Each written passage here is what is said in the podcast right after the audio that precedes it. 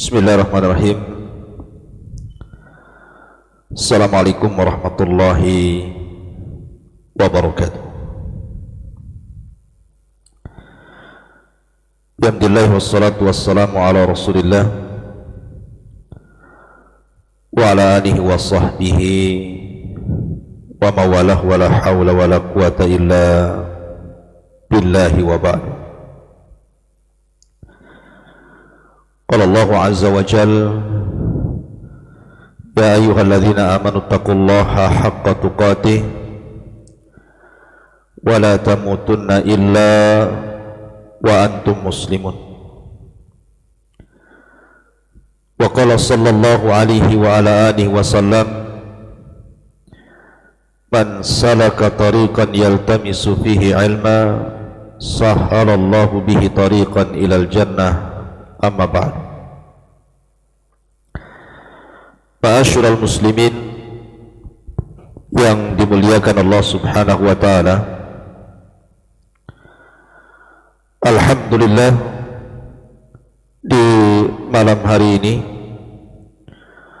Allah Subhanahu wa taala masih memberikan nikmat kepada kita sehingga kita masih bisa bermuajah dalam rangka talabul ilmi walaupun lewat media.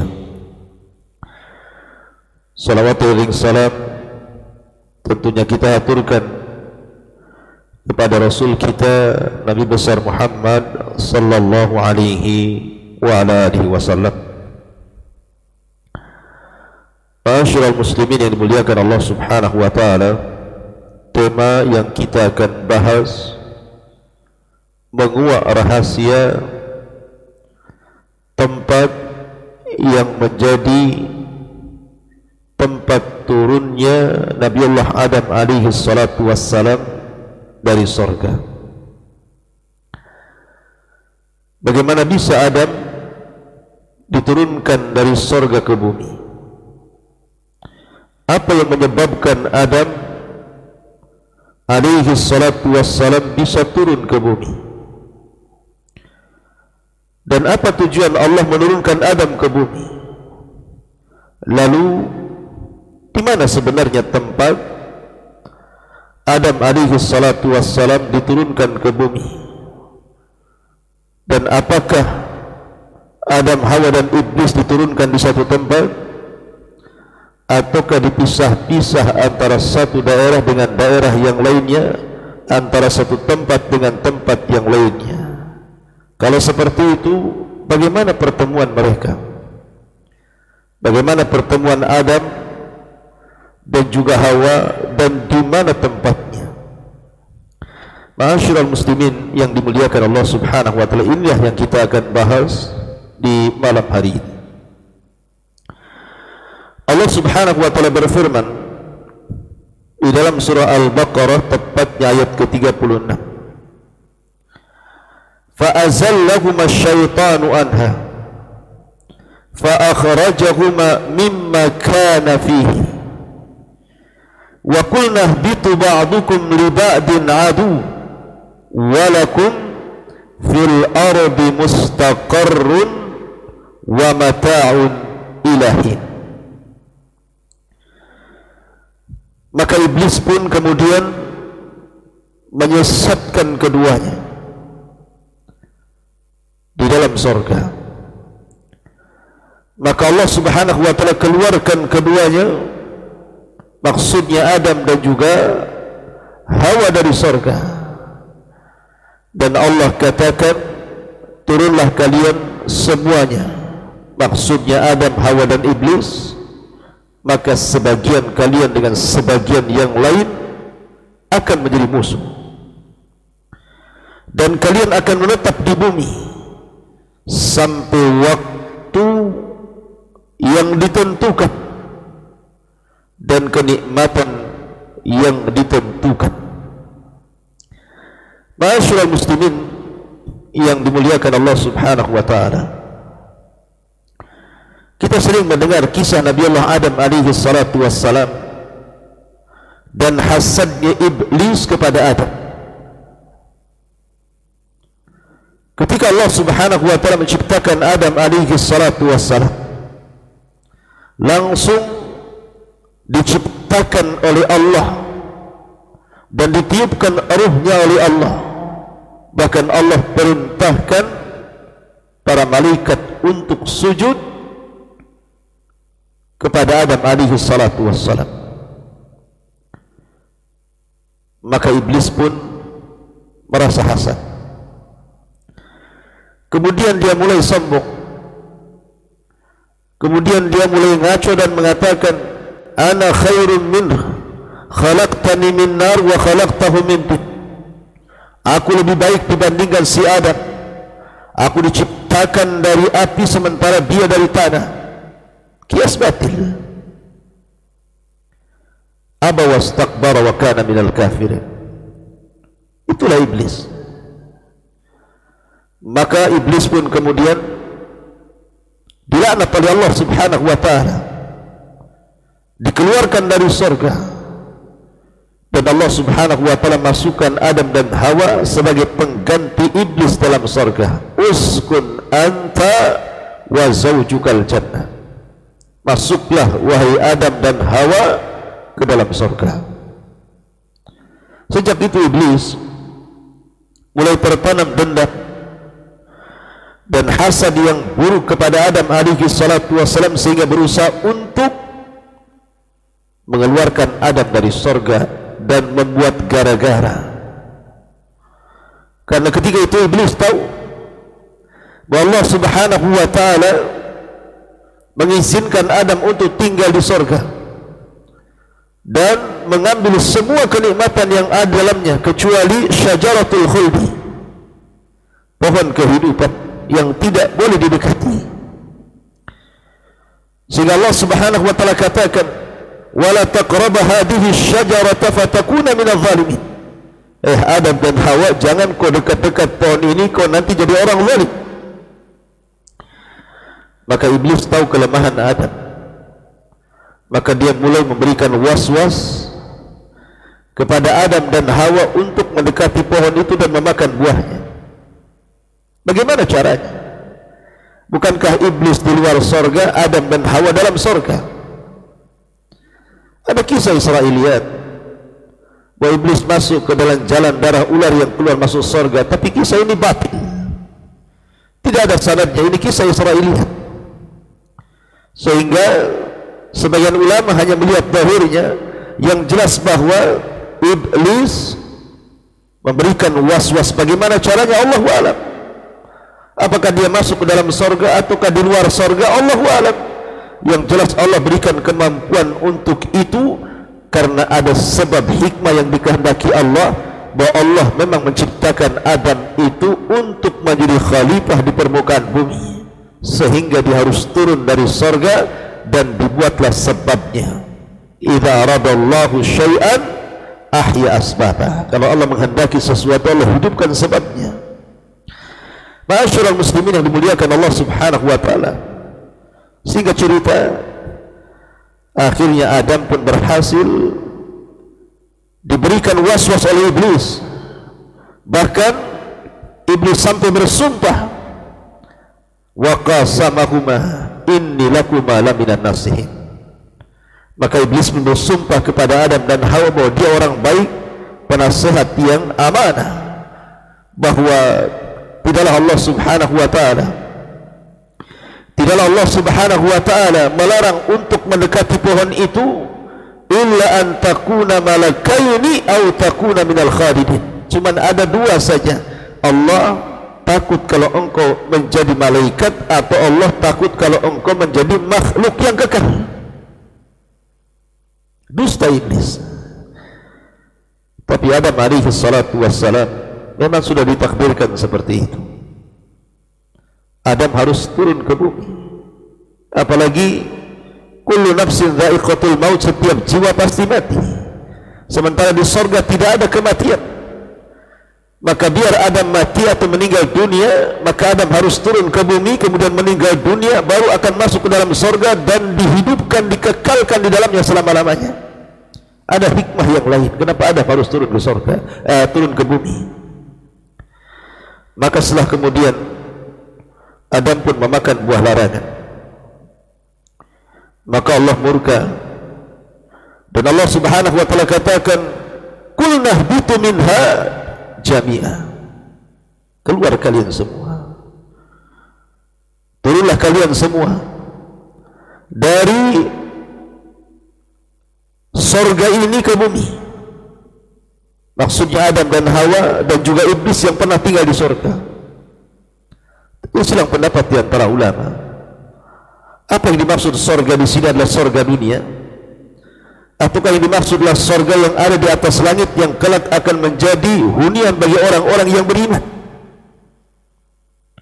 Ada yang mengatakan yang dimaksud sorga itu artinya sorga yang ada di dunia dikeluarkan Adam dari sorga itu kemudian diusir dari atau dikeluarkan dari sorga dunia ke tempat yang lain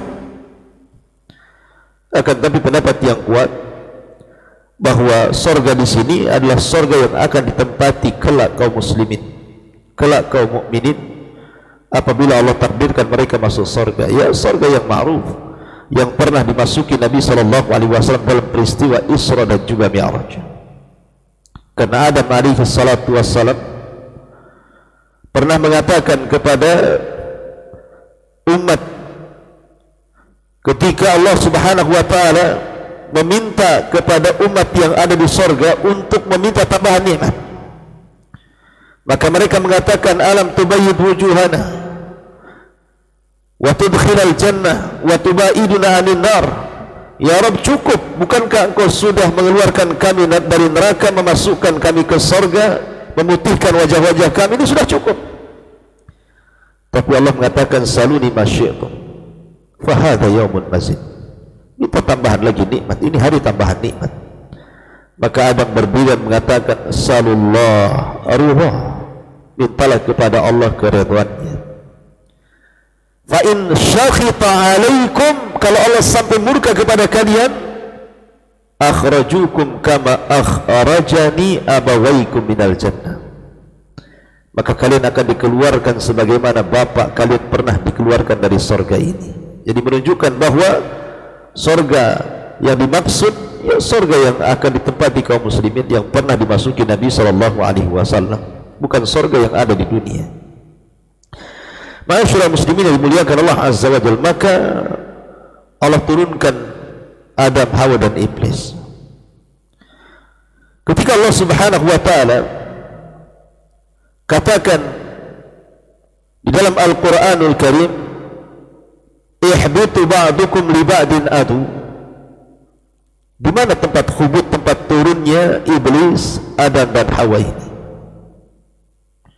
Wallahu alam Al-Quran sendiri secara nas tidak menyebutkan tempat turunnya. Baik iblis turun di mana? Adam turun di mana? Hawa diturunkan di mana? Tapi ada hadis-hadis daif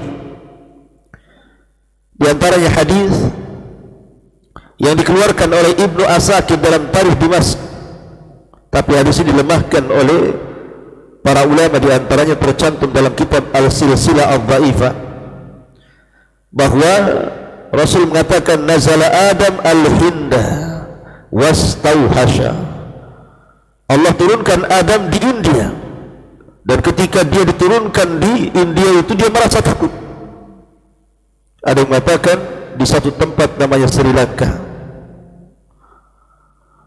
Tapi ada juga yang kemudian mengatakan bahawa Adam itu tidak diturunkan di India, tidak diturunkan di Sri Lanka.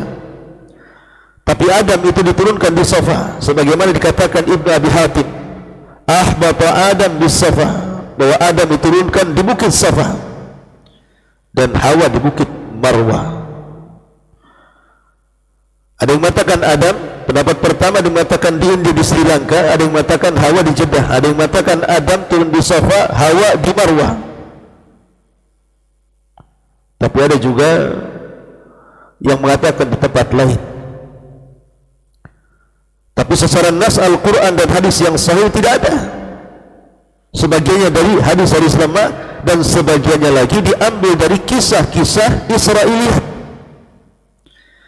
ketika kemudian keduanya saling mencari maka ketika sampai di sebuah tempat yang disebut dengan Muzdalifah maka keduanya saling mendekat izdalafat maka tempat itu disebut Muzdalifah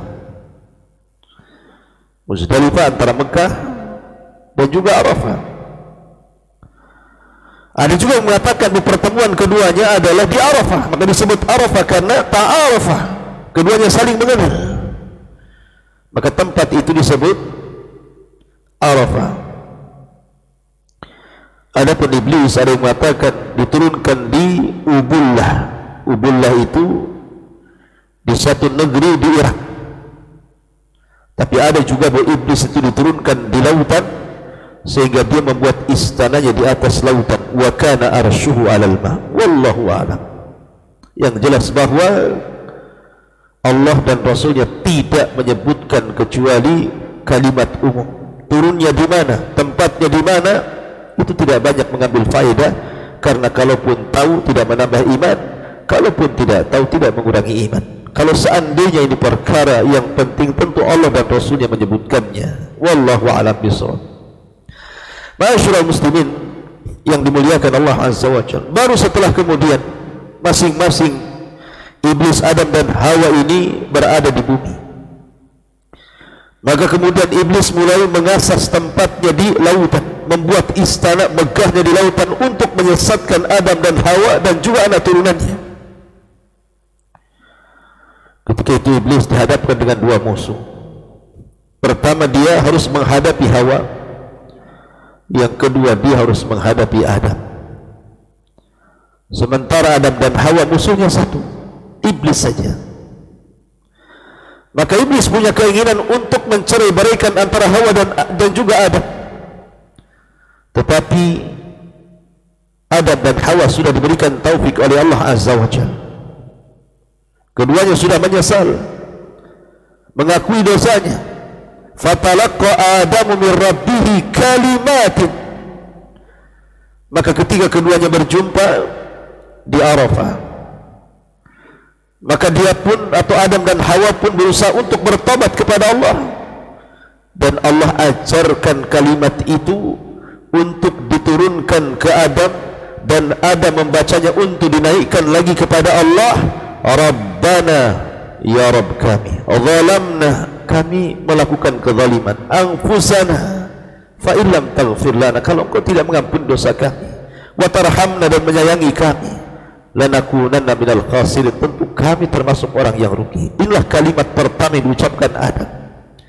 Kalimat yang datang dari Allah diberikan kepada Adam dan dikembalikan kepada Allah subhanahu wa ta'ala.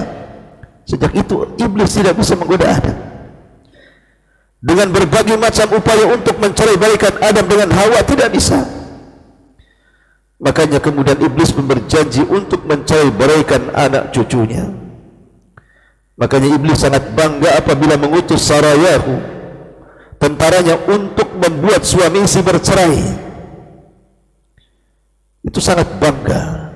Karena dia tidak bisa mencari balikan antara Adam dan Hawa maka dia pun suka kalau ada orang yang bercerai antara suami dan istri bahkan anak buahnya kalau sampai berhasil seperti itu maka iblis langsung bangkit meletakkan dia di kepalanya dan mengatakan anta anta. Kamu iblis kamu kamu setan yang baik. Kamu tentara setan yang top markotop bangga dia kenapa bangga iblis karena yang akan jadi korban banyak terutama anak-anaknya Ingat bahawa anak ini hitam putihnya digantungkan kepada orang tuanya. Kullu maulud yuladu alal fitrah. Setiap bayi yang dilahirkan terlahir fitrah.